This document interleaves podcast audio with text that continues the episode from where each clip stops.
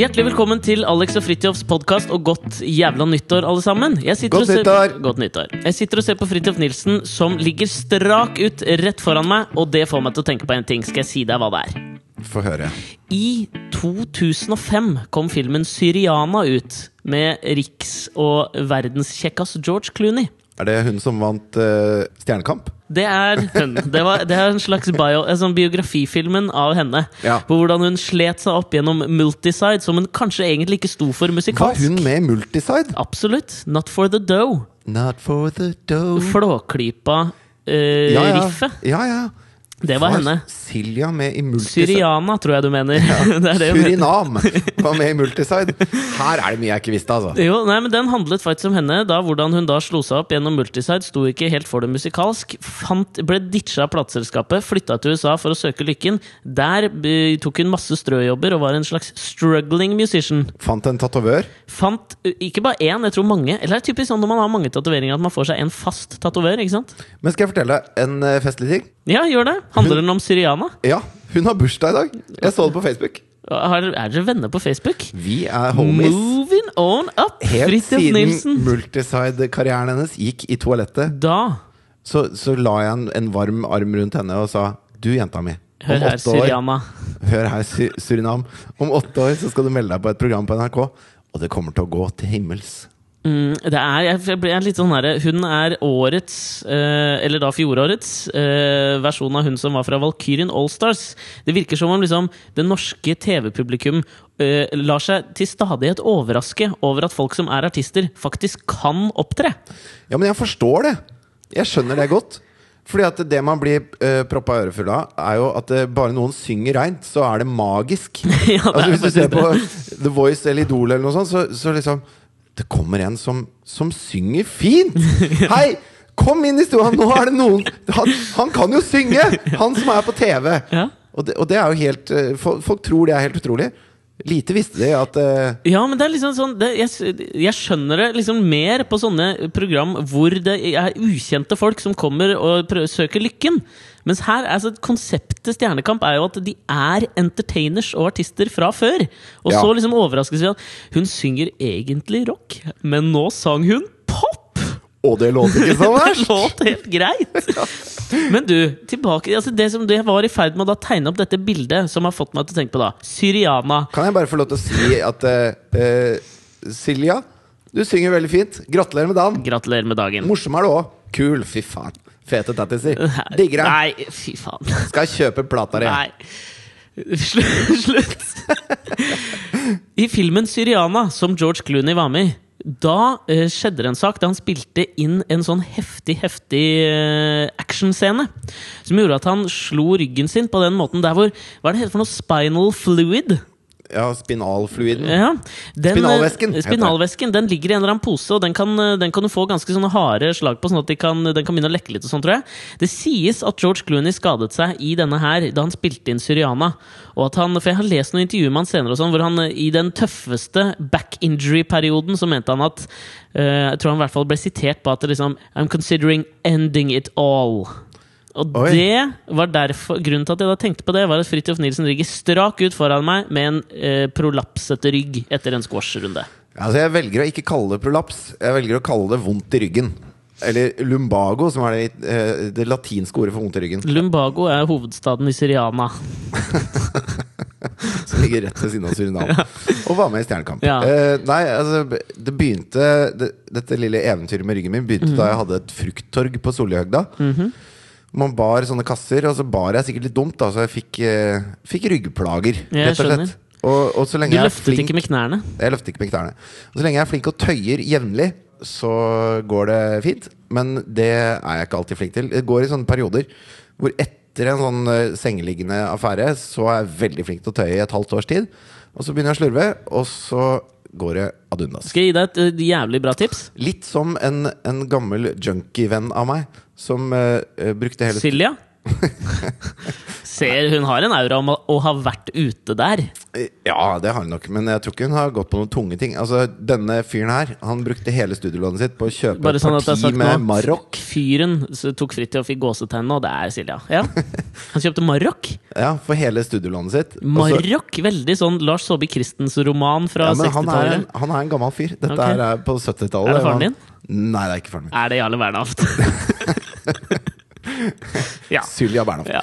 Eh, nei, og så kjøpte han da et, et parti med Marokk som han fikk inn til landet. Mm. Som han da skulle selge, fordi at dette var hans måte å finansiere studiene på. Altså Du tar studielånet, mm. kjøper en verdifull vare som du selger videre for en høyere pris.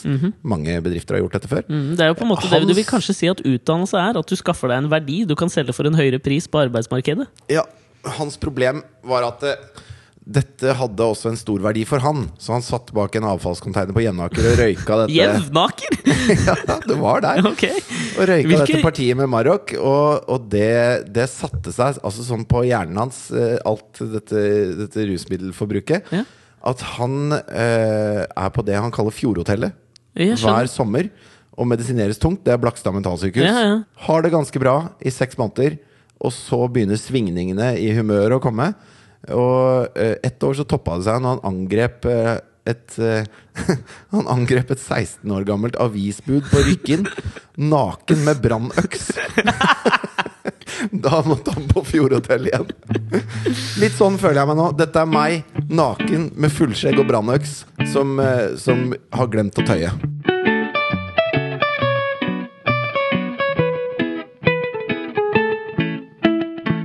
Men det er faen så jævlig forbanna inhabil du blir når ryggen ikke funker. Er In, sånn i- inhabil blir du vel ikke? invalid! Invalid. ja. Eh, sånn, på nyttårsaften skulle vi ha noen gjester på middag. Når skjedde dette her? Kan du liksom beskrive litt sånn hvordan det skjedde, når det skjedde, og hvem, med hvem det skjedde? Eh, på lille nyttårsaften skulle jeg dra og spille squash med okay. Jon.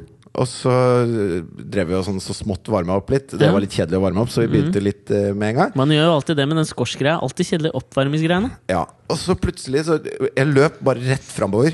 Og da hadde ryggen har murra litt de siste par ukene. Murra litt, ja. Ja, Så løp jeg rett framover, og så plutselig bare ja. Og så prøvde jeg å støtte meg på racketen mens jeg sank sammen og ble bare liggende på gulvet og klarte ikke å reise meg. Er det sånn at Jon da møter deg med en sånn For jeg tenker i utgangspunktet så har man jo en viss sympati når noen slår seg i ryggen. Men han har liksom satt av litt tid. Han er en venn av oss som er småbarnsfar. Han har fått litt alenetid, skal uh, spille squash med en kompis. Og det første som skjer, er at kompisen skader seg. Så han får liksom ikke utnytta den endelig den alenetiden han har fått. Han lo en stund, bare. Ja, Og så hjalp han meg med å ta på meg joggebuksa. ja. uh, For den var jo Ja, nei, ja, nå tenkte jeg at du var nak uten benklær når du spilte squash. Som Jeg- jo hadde vært et morsomt syn, med dankende, dunglende peniser løpende fram og tilbake i start og stop motion. hvis du er redd for dette eh, eh, flamboyant gay-bildet du maler av deg selv, så er det nettopp sånne utsagn Ikke redd må- Åh, nei, omfavner det. Okay. Jeg er så trygg. Nei, jeg hadde shorts da for å ha maks utslag på, på beina når jeg spiller. Har du da bokser under shortsen, eller har du sånn innebygd Altid sånn bokser under shortsen. Okay. Ikke truse heller, eller? Bokser. Ja, ok. Kun bokser. Ja, Tettsittende eller silke? Nei, tettsittende. okay. Det derre 80-talls-bokserfaenskapet hvor du har sånne svære. Svære laken fra HM. Ja, og det var, det var alltid en sånn eh, søm som da satte seg liksom på Sånn at en ballestein havna på hver side av den sømmen, som ofte var veldig ubehagelig. Som en slags sånn, Hvis du landa på bommen. En slags boksershortsenes bom. Ja, Spesielt når du blir gjella i den. Hva er gjella? Det er når noen tar bak og gir deg en sånn nøkk i trusestrikken. Ikke sant? Typisk Jarle Bernhoft å gjøre. Ja, Jarle var en mester gjelder Ok, ja, men så skjedde det at du da Det knakk bare i hop. Ja, det var på lille nyttårsaften. Mm. Og så klarte jeg å stabbe meg hjem. Og så måtte jeg liksom ligge eller stå eller gå. Det Eh, er jo generelt det man vanligvis gjør. ja, men, men, men vanligvis så har man da den, den ekstra bonusen at man også kan sitte. sitte. glemte jeg, ja. Ja, det kan jeg ikke, da. Jeg skjønner. Så uh, vi skulle lage femretters middag til noen gjester som kom. Mm. Og så rett før de kom, da så var liksom maten var klar. sånn, For det går fint å stå og lage mat. Det funker Ja. bra. Og så skulle jeg inn i det eh, torturredskapet en smoking er når du, Ja. når du har så vondt i ryggen. Så jeg klarte å få på meg alt unntatt min høyre sokk. Oh, ja. Det gikk ikke. Der stoppa det, liksom. ja. Og så eh, går jeg da ut i gangen og roper sånn Katrine, eh, kan du hjelpe meg med noe? Eh, bare et lite øyeblikk. Og så hører jeg at hun skrur på dusjen. Og da står jeg der med en sokk i hånda, Ja. og så ringer det på. ikke sant? Så kommer de første gjestene. ja. Men da går hun i dusjen. Ja, hun var litt uh, seint ute. Ja. Så jeg må liksom gå og så åpne døra, fremdeles da i helt sånn strigla i smoking med tversoversløyfe og ser ganske bra ut. Mhm, Med unntak av at jeg står med en sokk i hånda og er barbeint på høyrefoten. Jo, Fordi sko er også en umulighet å få på selv. men det er jo noe litt sånn derre um, JFK i Connecticut, i sommerhuset, over smoking og barbeint. Det er noe deilig. Det viser at du liksom Du bryr deg om stil, men du har også det litt sånn half-hazardly opplegget som gjør at du liksom Du lever et litt sånn bohemaktig liv med stil. Følte meg veldig litt JFK når jeg sto der med sokken i hånda. Og Ja, bare, ok. Ja, velkommen. Kan, før du tar av deg skoene, kan, bare ta på meg Gidder sokken, meg er du snill? Kanskje du må kjøpe deg sånn som Jeg husker min gamle mormor. Hun bodde hjemme La oss si tre år for lenge, da. Ja. Um, og da trengte hun bistand på alt det du beskriver nå. Trengte hun hver dag. Komme seg opp på senga, få på seg ting og sånn. Men til slutt så fikk hun seg en sånn veldig flott innretning. Som var, for hun klarte ikke å bøye seg. Så hun fikk en sånn sak som ser nesten ut som en sånn hockeyleggskinn. Du vet de svære leggskinnene som du trer strømpa på, og så kan du liksom bare tråkke som nesten som du tråkker i en sko. Oi! Og så tråkker du ned i sokken. Utrolig praktisk for gamle mennesker, kanskje også for deg. Kjære lyttere, jeg har bursdag 25. mai. Ønsker meg det. Skikkelig. For dette kommer til å fortsette å skje en gang i året, tror jeg. Den ryggen min, altså. Ja, Helt siden jeg ble kjent med deg, så har det vært en, en årlig affære at det skjer. Det skjer en gang i året, men det skjer ikke oftere. Nei, men jeg dro til en osteopat da for å prøve å knekke opp dette her. Og han Mm. Vet du hva, var jeg, jeg er usikker på hva osteopat er, kontra naprapat, kiropraktor, fysioterapi, homeopat. Nei, Osteopat er en slags eh, fysioterapeut og, øh, og kiropraktor som er ekstremt overutdanna. De er kjempe lang, lang lang utdannelse, så jeg, jeg stoler veldig på dem. Men han her var litt vel astral for meg. Ja, okay. Han het Ivan og fra Frankrike. Ok. Og han eh, brukte liksom 20 minutter på å så kjenne på hele kroppen min og få meg til å gå rundt i bare bokseren og sånn. Og nå trodde jeg du skulle si at han kjente liksom på energinivåene dine og sånn. Det òg. Sjakraene dine. Ja, det, han var litt der, altså. Og det han mente var problemet Anbefalte var moren din, eller? Det, nei, nei, han var den eneste som var, hadde ledig time på nyttårsaften. det er ikke ikke så tegn. mange. Ja. Det han fant ut var problemet med kroppen min, var ikke disse fruktkassene da jeg var 18, okay. men at jeg hadde litt tørt avfall i, på høyre side i tykktarmen. Hva? Så han brukte altså 20 minutter på å massere tykktarmen min. Og for å komme dit må du gjennom magen. Ja. Så han har noen klyper av stål, han fyren der. Det gjorde jo vondt som Ja, men herregud, det gjorde vondt, altså. Ja, okay. Masserte ned på innsida rundt overalt. Eh, Men eh, kanskje driter ut dette her Men- på sikt, da. Dette er en sånn veldig sånn kinesisk approach, føler jeg. Fordi da jeg var på dette her eh, gravide-yogakurset for å forberede til fødsel, så er det alltid en sånn Da fikk vi en sånn Hvis du trykker her og her på kroppen til den fødende kvinnen, så vil det lindre smerten der og der et helt annet sted. Ja, det det litt- henger jo på greip. Det henger litt på greip, men samtidig så er det et eller annet som jeg liksom ikke Jeg kjøper ikke alltid det der med at tarmsystemet har noe å si for liksom muskler eller, eh, eller bein. Jeg syns du skal starte et bilverksted. Hvor du bare, hver gang noen kommer og er sier. Nei, et starte. Hver gang noen kommer og sier at eh, bilen min går ikke, så bare bytter du dekk.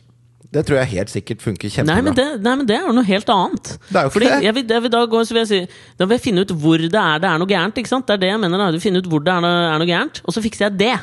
Mm. Bam! Det var det han gjorde. Jeg har noe tørr bæsj i tykktarmen. Men du ligger fortsatt strak ut rett foran meg. Ja, det kommer til å ta et par dager, sa han. ja, ikke sant? Faen, altså.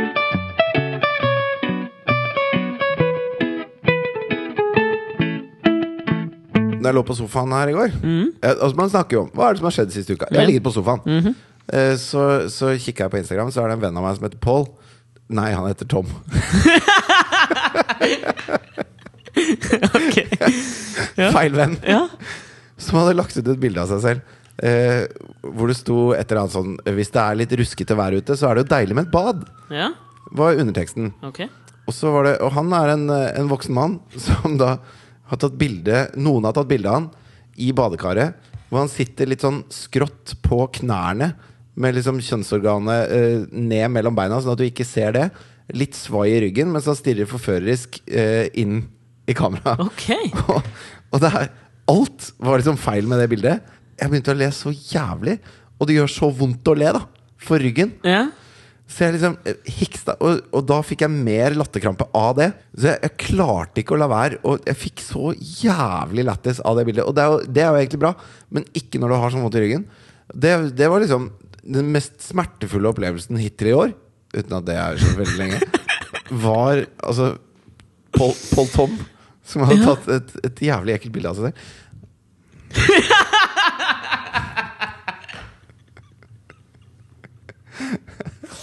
Husker du i um, TV-serien Friends?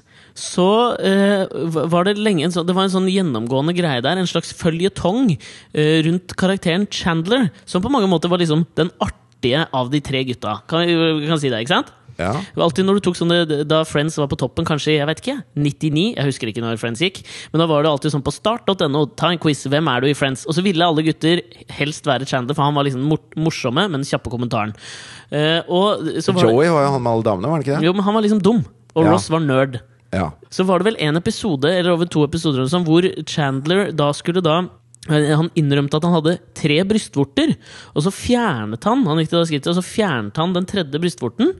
Og så ble han Det var veldig veldig gøy hvis han fjerna feil, ja, At han hadde da ingen der oppe. Måtte sette inn en rosenkål, for eksempel. for eksempel. Ja. Veldig bra bilde på en brystvort forresten. Rosenkål, syns jeg. Nei, eh, altså en, en, eh, en rosin. Ja, rosin, Men det er litt ekkelt. Det er sånn som jeg har sett Jeg så på eh, Nå tar jeg en liten digresjon. Syns du brystvorter er ekle? Nei, men jeg syns en brystvorte jeg så i går, var rimelig Har rimelig du lyst til at de skal være kulerunde og grønne? Nei, men Og litt bitre? Nei, egentlig ikke. Men Nei. i går så, så jeg på et program Vi driver jo og lader opp til å bli foreldre nå. Så i går eh, tok jeg opp en dokumentar på NRK som jeg så på i går eh, natt. Og som het 'Barn er roten til alt ondt'. Som var en sånn dansk dokumentarserie om hvorfor vi blir jævlig mye mindre lykkelige når vi får barn. Og hvorfor hele denne bløffen om at vi blir lykkelige av å stifte familie, og sånn egentlig bare faller på stengrunn. Dette, dette programmet er laget av en bitter lesbisk dame. Barnløs og bitter. Ja, kanskje. Det tror jeg, ass. Ja, men faen, nå føler jeg at liksom, man kan ikke være barnløs, bitter lesbisk lenger. Fordi det er så lett å reise til Danmark på Storkenklinikken og få seg en kid. Ja, men Det har ikke hun gjort, hun som lagde den der. Nei, kanskje ikke. Men, eh, men der så Det, er, jeg det, også, altså, det var jo en avisartikkel nå for eh, noen uker siden hvor det var sånn uh, yrkesmennesker som ikke Som er barnløse yrkesmennesker, sier Ja. 'Jeg har ikke angret et sekund'. Nei. Selvfølgelig! De aner jo ikke hva de prater om. Nei, nei, de har aldri hatt barn. Nei, det er ikke noe sånn du, du vet ikke hva du går glipp av. Det du ser sikkert når du er sånn yrkesperson Jeg angrer ikke på at jeg ikke er profesjonell curler, f.eks. Ja, det er en del ting jeg angrer på. Akkurat det curlingeventyret jeg starta i 1997, det angrer jeg på at jeg ikke fullførte. Sammen med Dordi Nordby ute på Snarøya curlinghus. Men faen, poenget her var at jeg så da Da var det, fulgte vi liksom et par som skulle bli foreldre. Og så filma de fødselen. Og da lå hun eh, helt naken. Og da, Jeg veit ikke om det skjer under fødselen, men da hadde hun helt sånn mørkebrune brystvorter mens hun fødte.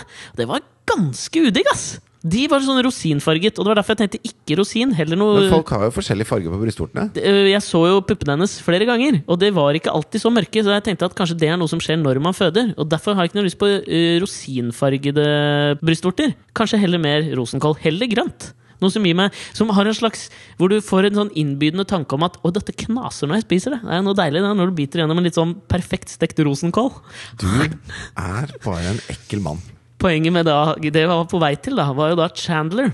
Når han da kapper bort denne tredje Så brystvorten dette- alt- Kapper bort denne jævla tredje brystvorten! Alt dette du har fortalt om denne danske filmen, er bare for å si at hun hadde ekle brystvorter. Ja, fordi det minna om da du sa rosiner, så kom jeg på det at nei, ikke rosiner.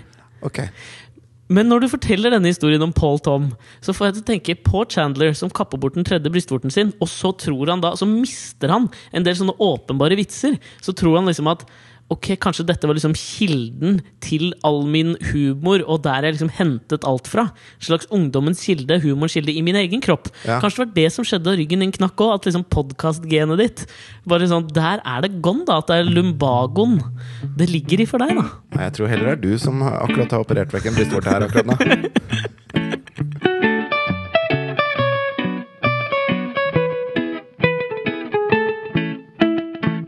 Det er to ting som jeg føler har vært liksom, store snakkiser hittil i 2014. Den ene var eh, Erna Solbergs nyttårstale. Jeg er så jævla lei av han fyren som hvert eneste år skal liksom kommentere på nyttårstalene til den da sittende statsministeren. Og han Kjell Terje Ringedal, som uh, tituleres som retorikkekspert. Han irriterer meg noe så jævlig. Bare tittelen irriterer meg. Hvis du jobber på Markedshøgskolen, så er du ikke retorikkekspert. Fordi jeg føler at hvert år så kritiserer han talen basert på det som ikke er tatt med. Og da, da, da retorikkekspertpoenget faller litt bort for meg. Da, for skal ikke han da vurdere det som faktisk sies? Hva var det han ble sur for at ikke var med? Da? Han følte at vi satt inne i lodotten i vår egen navle gjennom den talen hennes. da At det ikke var et eh, perspektiv opp på hele verden. ikke sant? Norge i verden. Det var mer Norge i Norge. At vi var veldig veldig navlebeskuende tale.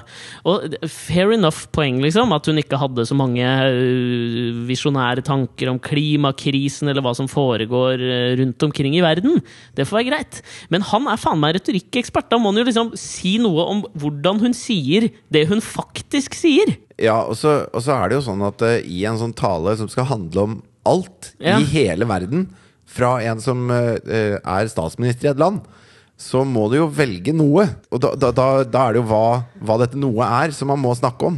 Ja, det er det, det er det som irriterer meg så jævlig. Og den kommer, er den samme kritikken hvert jævla år. Du nevnte ikke det, og hun nevnte ikke det, og hun nevnte ikke det. Men da hadde hun har ikke Det er ikke livestreama 24 timers eh, foredrag om hele verden. Det var den ene tingen jeg reagerte på og irriterte meg over. Nummer to, en ting som jeg syns er jævla fascinerende, var at eh, den nye storsatsinga til NRK, den nye storsatsinga er Mammon. Mammon, ja. Så du på det? Ja. Helt greit. Ja, jeg, synes det, jeg ble nysgjerrig. Syns det var spennende. Absolutt. Ja.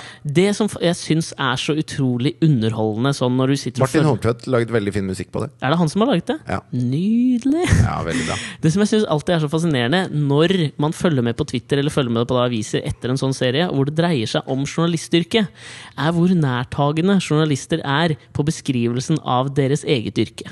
Ja. Fordi den, Mesteparten av kritikken er jo da at Aftenavisen, er det ikke det den kalles i Mammaen? Den avisen de Jo. skal jobbe i? Som har nøyaktig samme font som Aftenposten, så det er jo Aftenposten. Ja, ja, ja. Ja, ja. Men det de må jo kalle det noe annet. Litt som, som i Broen, så kaller, kaller de det vel Aftonavisen istedenfor Aftonbladet eller noe sånt. Ja. Eh, eh, jeg sitter og leste eksempel han eh, Frank Rossavik, er det ikke den BT-kommentaren som har vært i Morgenbladet sånn også, som syns de kunne like greit laget en musical, for dette var helt urealistisk. Og jeg mener, jeg liksom ikke skjønner Jeg skjønner jo ikke kritikken, da. Jeg hørte jo på den, en av de store filmene i fjor, Gravity, som handler jo da om at George Clooney fra Syriana havner ute i verdensrommet, og så jeg, skal ikke, jeg har ikke sett den, jeg klarer ikke å se for angst av å tenke på det. Ja. Men det handler vel om at eh, en eller annen romstasjon for russerne sprenger. Og så begynner det å flyte ting rundt i rommet som skal liksom treffe dem. Helt sikkert. Ja. Ja. Uh, hvor jeg hørte en anmeldelse på P2 eller sånt, som jeg bare har hatt gående gjennom jula. Syns det er grådig koselig å ha litt radio. Uh, hvor det var en astronom eller et eller annet sånt som hadde mm, sett på Gravity da, med litt sånn eh, vitenskapelige øyne. For å se er dette, kunne dette vært mulig. Hvor han liksom eh, sier at nei, altså, ting i rommet beveger seg jo i forhold til hverandre også, med ganske stor fart. Så det at de kan liksom hoppe fra romstasjon til romstasjon, det er ikke, det er ikke så veldig sannsynlig. Nei, det blir som å stå på et, eh, et akebrett på isen. ja. Så når du da satser og tar skikkelig rennafart fra det akebrettet, så vil ikke det akebrettet være stasjonært. Nei. Det, det vil da fyke bakover, og du vil lande på nesa Ja, der hvor akebrettet var. Men hans konklusjon er jo fortsatt at det var en råbra film. Og det er det jeg mener liksom sånn Vi kan, ikke, vi kan liksom ikke ta det Da er det jo på en måte greit for journalistene så lenge det ikke handler om deres eget yrke. Men med en gang det skal liksom være journalister, så skal det være dokumentarisk helt korrekt. Og da tror jeg ikke vi får så jævla interessante TV-serier, da. Men, men jeg, jeg, stussa, jeg så Wolverine her eh, for et par dager siden. Eh, Det blir på nyttårsaften, så det var ikke et par dager siden. Men eh, Ja. jeg så Wolverine, i hvert Ja, fall. på nyttårsaften. Nei, ikke på nyttårsaften, Okay. men en annen dag. Ja. og, så, og så er det action og kult og sånn. ja. Og så uh, tar han fram disse klørne sine sånn snikt. Det var alltid det det sto i X-Men. Ja, ja. det var det som var lyden da Ja. når klørne uh, kom ut av knyttneven til jerven, som mm. er på norsk. Um, Ikke sant? Det er ganske mye døllere på norsk. ja, En gaupa. jerv. Ja, gaupa. Ilderen. I hvert fall jerven, da. Ja. Snikt, ikke sant? Ja. Og så chop, så, så skjærer han en, en eller annen japaner. I tre. Eller fire, da. Ja. det, øh, Eller fem. og, så, og så kommer det en blodsprut som treffer linsa. Ja. Da blir jeg revet ut av illusjonen. Da skjønner jeg at det er tull. Da skjønner du først at det er tull. Ja. Og så sitter jeg der, så blir jeg, og så blir jeg Ikke da liksom adamantiumskjelettet trenger gjennom hele kroppen hans og ut av huden. At jeg, jeg sitter og, og liksom kjøper det. Jeg lar det skylle over meg. Ja. Jeg, jeg tenker dette er hey. realistisk i X-Men. Det som er urealistisk i den filmen, er at kameralinsa får blodsprut på seg. Det er urealistisk i min verden da. Og Det er så jævlig rart. Man blir så sugd inn i en sånn alternativ uh, Altså, det er helt feil ting som kaster deg ut av det. Ja. Og det er jo sånn De nye TV-ene også, som ikke er så nye lenger, da, men som viser Mm. Som er helt fuckings flate, har du sett det, eller? Ja, de er er ikke sånn type. Og de er nesten ikke tunge lenger. Nei, det er helt sykt, ja. Men i hvert fall, der er jo uh, alt, alt var jo mye mer sånn filmatisk vakkert på de litt eldre TV-ene Ja, ja. enn det er på de nye 4K-TV-ene. For det ser jo ut som det bare er et Altså Det ser ut som du ser inn i stua til noen. Ja, det ser ut som det er liksom sånn eh, når, Nå har vi filma julaften hjemme med kameraet vårt. Ja, Med det kameraet vi har fått i, fra JVC, liksom, Ja, ja. som filmer på DV-teip. Ja. Og, og det liker jeg ikke. Og, og grunnen til Jeg vet ikke hvorfor jeg Altså, det er for realistisk, da. Det ser for ordentlig ut. Det Ja. ser ut som det faktisk er i stua til noen, og det vil jeg ikke ha. Nei, men det er det jeg ikke helt skjønner heller. Fordi det er jo det Journaliststanden vil jo klager jo over at det er for uh, lite nærme virkeligheten når de får skissert opp sitt eget yrke. Men jeg tror, ikke, jeg tror egentlig hvis man hadde fått servert det, så hadde du liksom Du hadde jo ikke villet ha det. Det du vil ha, når du, i hvert fall når jeg da nyter et eller annet slags form for kulturprodukt eller kunstprodukt, så vil jeg at det skal dra meg liksom litt ut av denne forgjengelige, jævlige virkeligheten vi lever i. Det er ikke bare journalister som reagerer sånn. Altså Etter 'Silence of the Lambs' så kom det jo en sånn, en sånn eh, brevstorm fra eh, kannibalistiske massemordere som sa at vi liker jo ikke den musikken der. Altså, eh, en lever, en menneskelever er jo ikke godt med sånn saus. Er du helt dust, eller? Det er ingen som vil lage en maske av huden. Altså, sånn er alle yrker.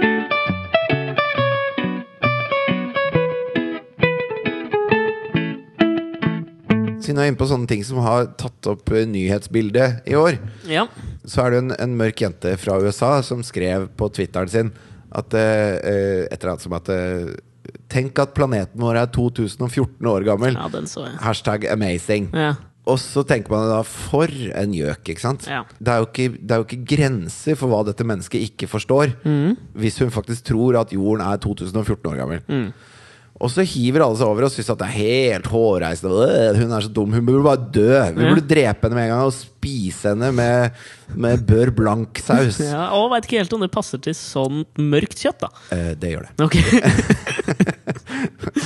Men så viser det seg at dette er en spøk. Ja? Selvfølgelig. Hun skrev sånn- den for å være morsom. Ja, men det litt og sånn jeg, tenker, jeg tenker en ganske god spøk. Jeg syns, jeg syns faktisk den er ganske morsom når du tenker på det som en spøk. Men så lurer jeg på altså hvis, eh, hvis et eller annet menneske som man ser på som bare bitte, bitte, bitte lite grann intelligent og opplyst, Mm. hadde skrevet det på, på sin vegg Stephen Fry, hvis han hadde skrevet det på Twitter, Ja. så hadde du skjønt det med en gang. Alle hadde skjønt det, og alle hadde ledd. Jeg Ja. synes det var en kjempebra greie. Mm. Men fordi dette er en 16 år gammel eh, eh, sort jente fra USA, Mm. så syns man at hun er det dummeste noensinne. Ja. Men Og det åpner jo Hvorfor syns vi at hun er så dum? Er det, er det våre fordommer? Nei, jeg har en liten teori om det der. Som jeg nå fritt skal stjele fra noen andre. Men altså, jeg har fulgt med på et program på svensk TV1 eh, det siste halve året som jeg synes har vært veldig bra. Anbefaler alle å sjekke ut. Som heter Alle er fotografer. Som er et program med Henrik Schyffert og Johan Reborg. To svenske komikere. Blant annet han som spiller i eh, Solsidan. Ja, han spiller Fredde, Fredde i Solsidan. Det er Johan Reborg. Og Henrik Schyffert, veldig kjent eh, svensk komiker. Killinggjenget. Utrolig fet fyr. Ja. Som uh, handler om at de to er jo da to middelaldrende menn som har blitt bitt av den basillen som veldig mange middelaldrende menn tror jeg er blitt nå.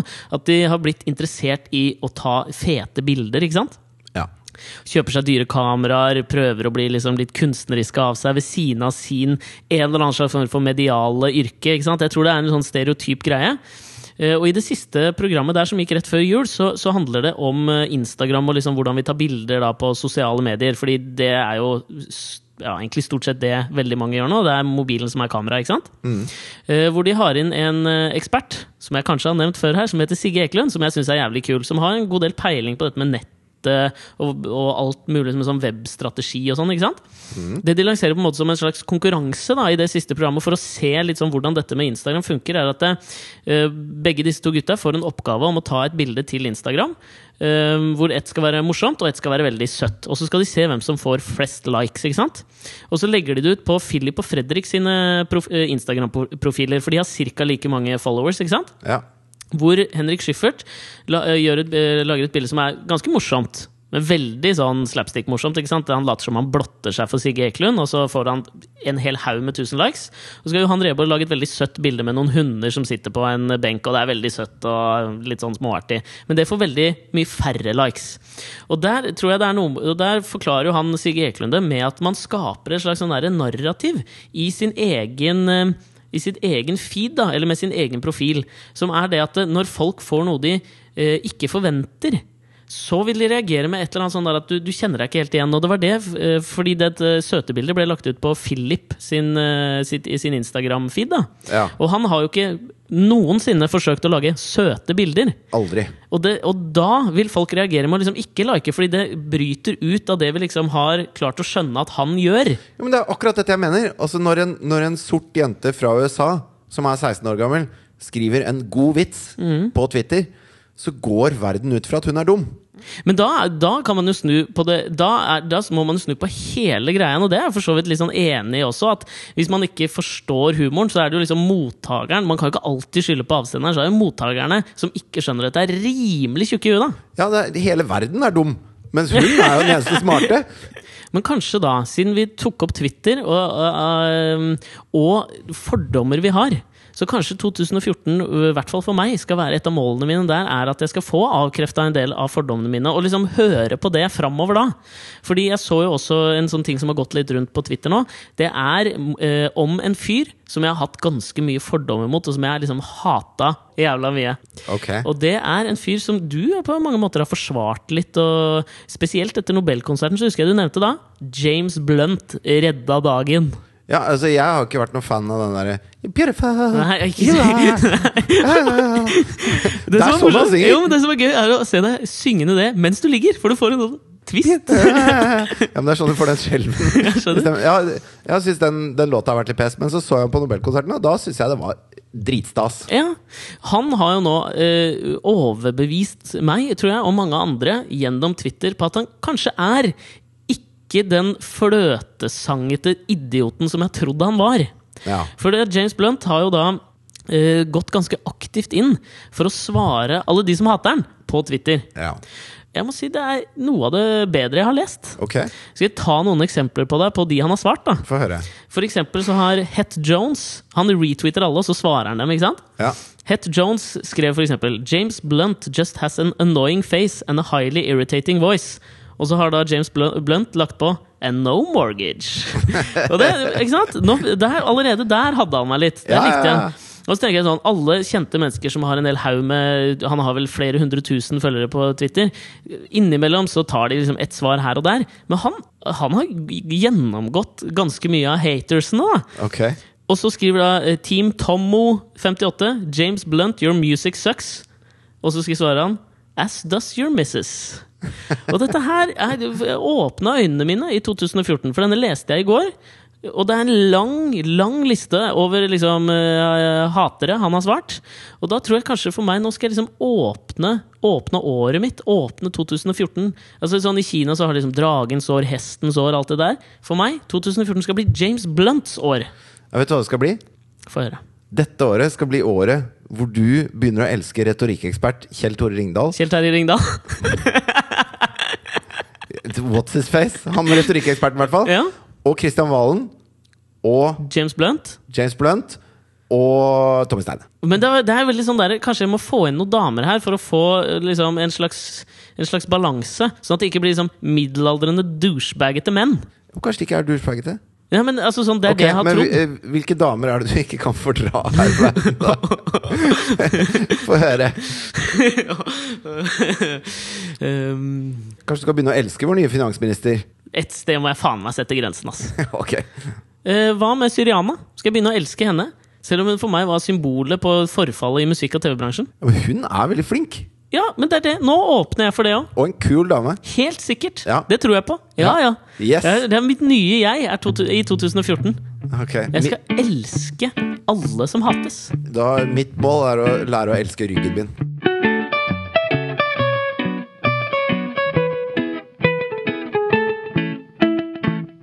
Det er jo litt sånn derre at det som skjer den foregående uke danner grunnlag for det vi skal prate om i eh, denne ukas podkast. Åssen har du hatt det, forresten? Ja, men det er det.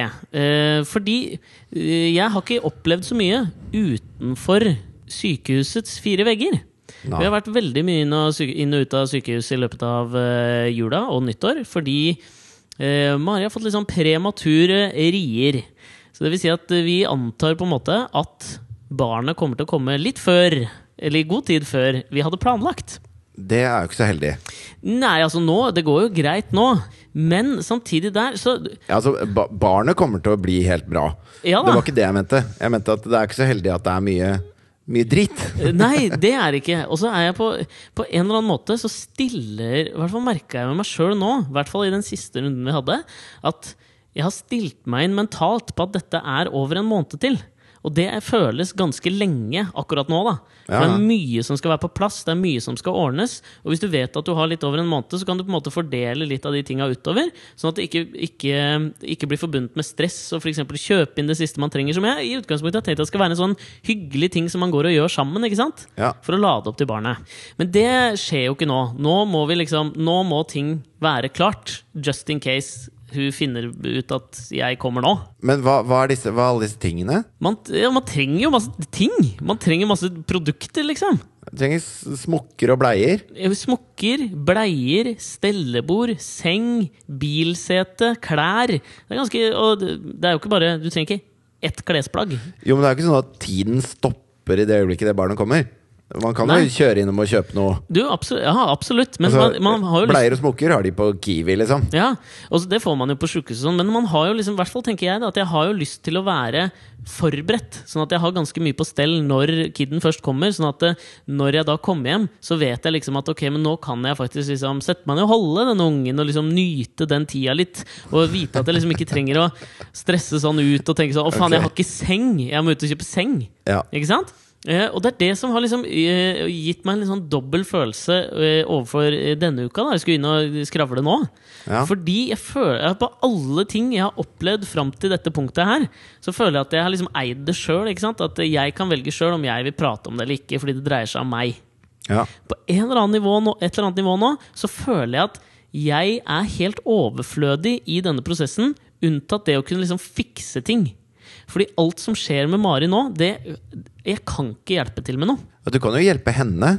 Altså, Ja, men- altså Lage mat til henne og Ja, klappe henne på hodet og si 'jeg syns synd på deg, jenta mi, og du er flink' og sånn. Det føles bare så innmari ubetydelig da når du ligger og vrir deg i sånne riesmerter at noen masserer deg litt på ryggen eller sier 'nå stå på, jenta mi', liksom. Det føles som å pisse i havet. Og samtidig, da, når jeg liksom tenkte at ok, nå kan jeg kanskje prate litt om det i denne ukas podkast, så ble jeg jævlig sånn usikker på kan jeg det, Fordi da føles det ikke ut som min ting lenger. Selv om jeg har levert min del av genetisk materiale for å få dyrka fram denne kiden, så føles det ikke jo- noe som mitt. Altså, riesperter og sånn. Jeg syns jo Mari sutrer litt, da. Jeg, jeg har veldig vondt i ryggen. Jeg, jeg klager ikke spesielt om det. Jeg forteller det som en litt morsom ting, liksom. Men det er ikke så mye klaging.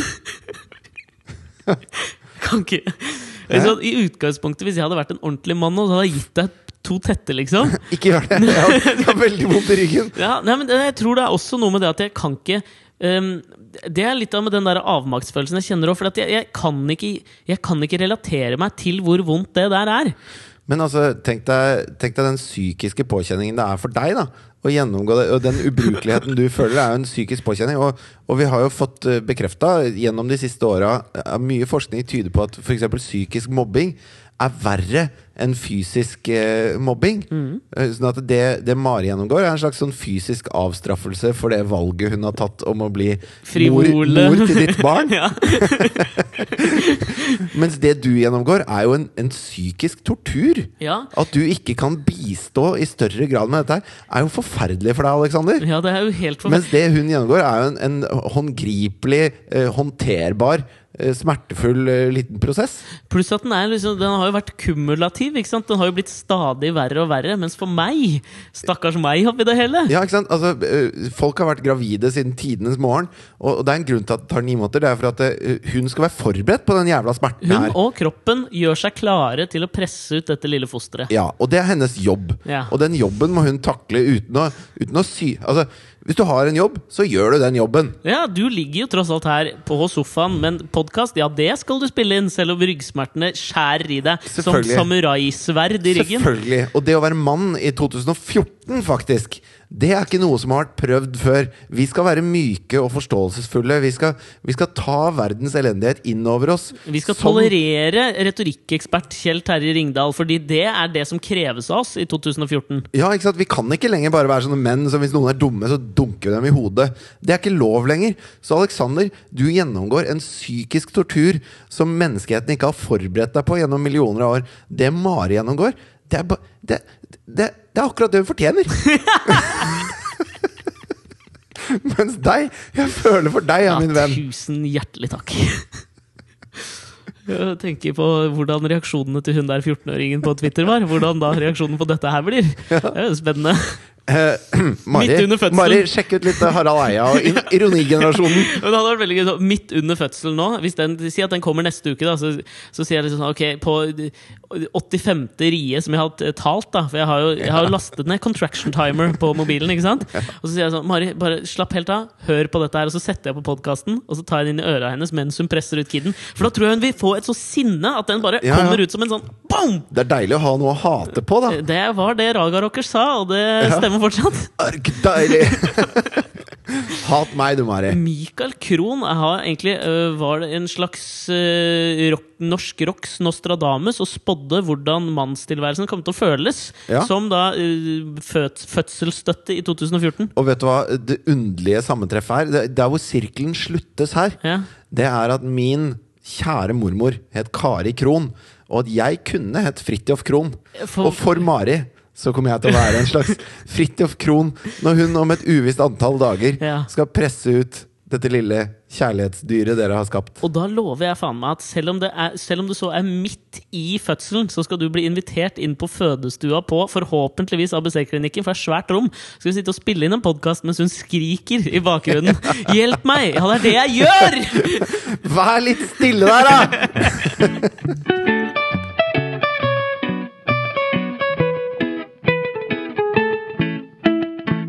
Vet du hva jeg syns Mari burde gjøre? Nei, fortell. Jeg syns eh, hun burde eh, ta mer dop.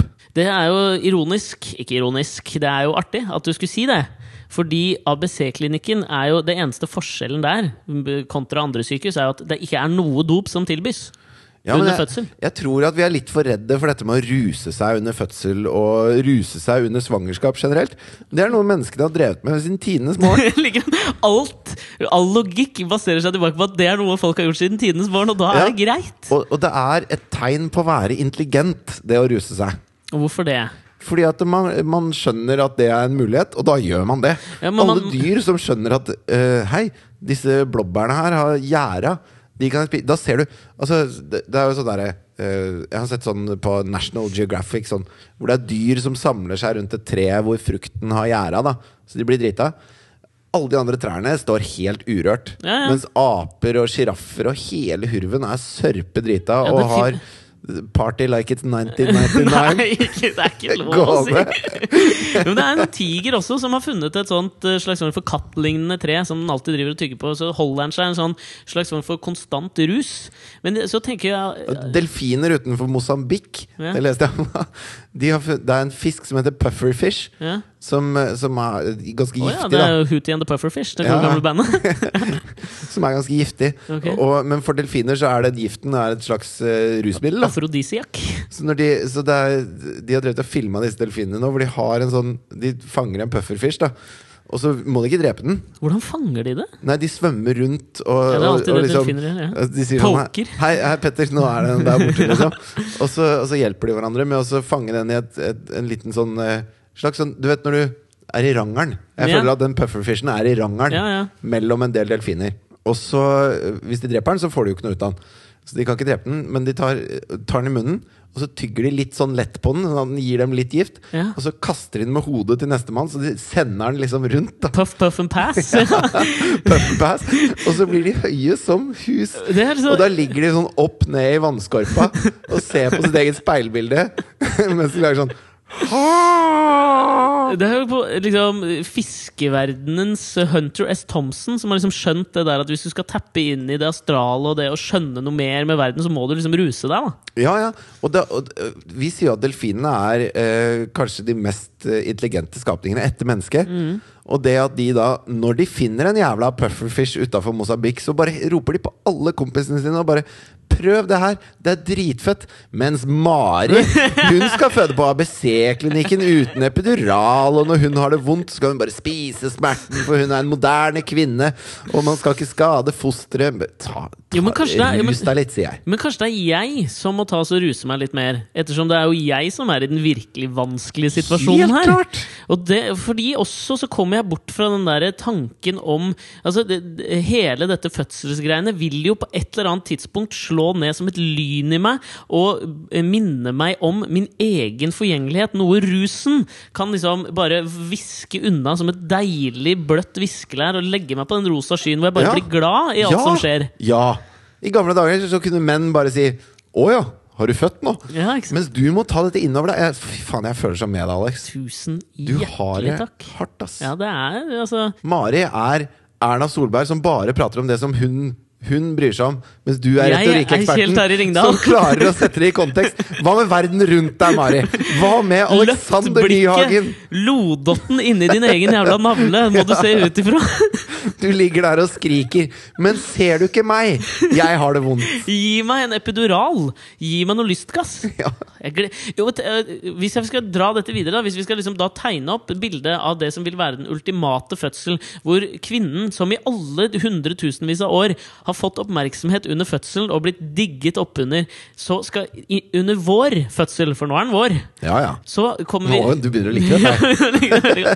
så kommer vi da inn på uh, sant? Jeg har tima noen rier og sånn, men så drar vi til sykehuset.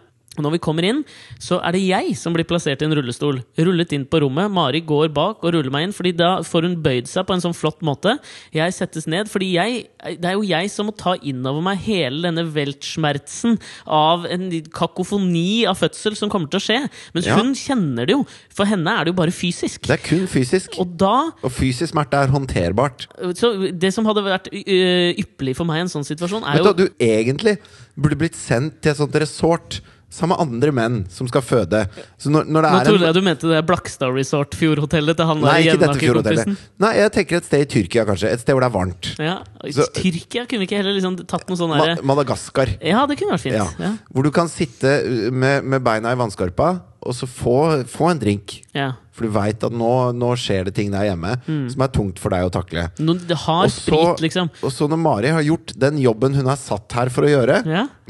så får du en slags, eh, en slags videofil sendt. Ja. Ferdig klippet med litt vakker musikk. Hvor du kan se ditt nyvaskede barn ligge i en sånn liten eh, sånn plastbakk på sykehuset med en smokk og ja, og nei, Det beste hadde jo vært liksom da om hun fødte i nærheten, og så satt de barnet som en slags sånn Moses uti elven. Sånn at når jeg sitter med den ute, beina uti i Ja. så kommer bare lille Asta seilende forbi, og så plukker jeg henne opp, tar en liten titt, og så er det liksom Kanskje vi, ferdig. skal, kanskje vi skal ta tilbake storken? At det kommer en stork og bare leverer det til deg? Sånn at du slipper å bry psyken din med denne, denne torturen Mari utsetter deg for. Men da betyr det jo også at jeg må kjøpe meg en sånn der ammesak da, som du hekter på deg som en slags sånn manne-BH, sånn at jeg får da puppemelk i min da brune bryst, rosinbrystvorte. Og så ammer jeg Asta litt òg, for å kjenne litt på det fysiske. Nei. Da, Nei!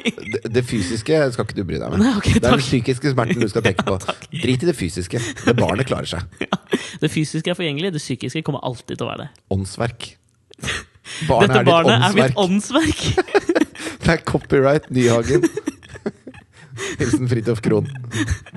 Tusen takk for at dere har hørt på Alex og Fridtjofs podkast denne uka, folkens. Ja, det har vært veldig hyggelig å ligge her litt paddeflat sammen med dere. Mhm, mhm. Jeg eh, håper også, hvis jeg også nå da får oppleve denne fødselen på denne psykisk behagelige rosa sky-måten som jeg kan, at du serverer et måltid på din egen kropp. Som et slags svar. Jeg kan Fordi gjøre det det på én betingelse. Ja. Det er at den At jeg lager maten. Nei, den podkasten som dere akkurat har hørt nå, heter Hold kjeft da, kjerring. Det er greit. Ha det! Ha det.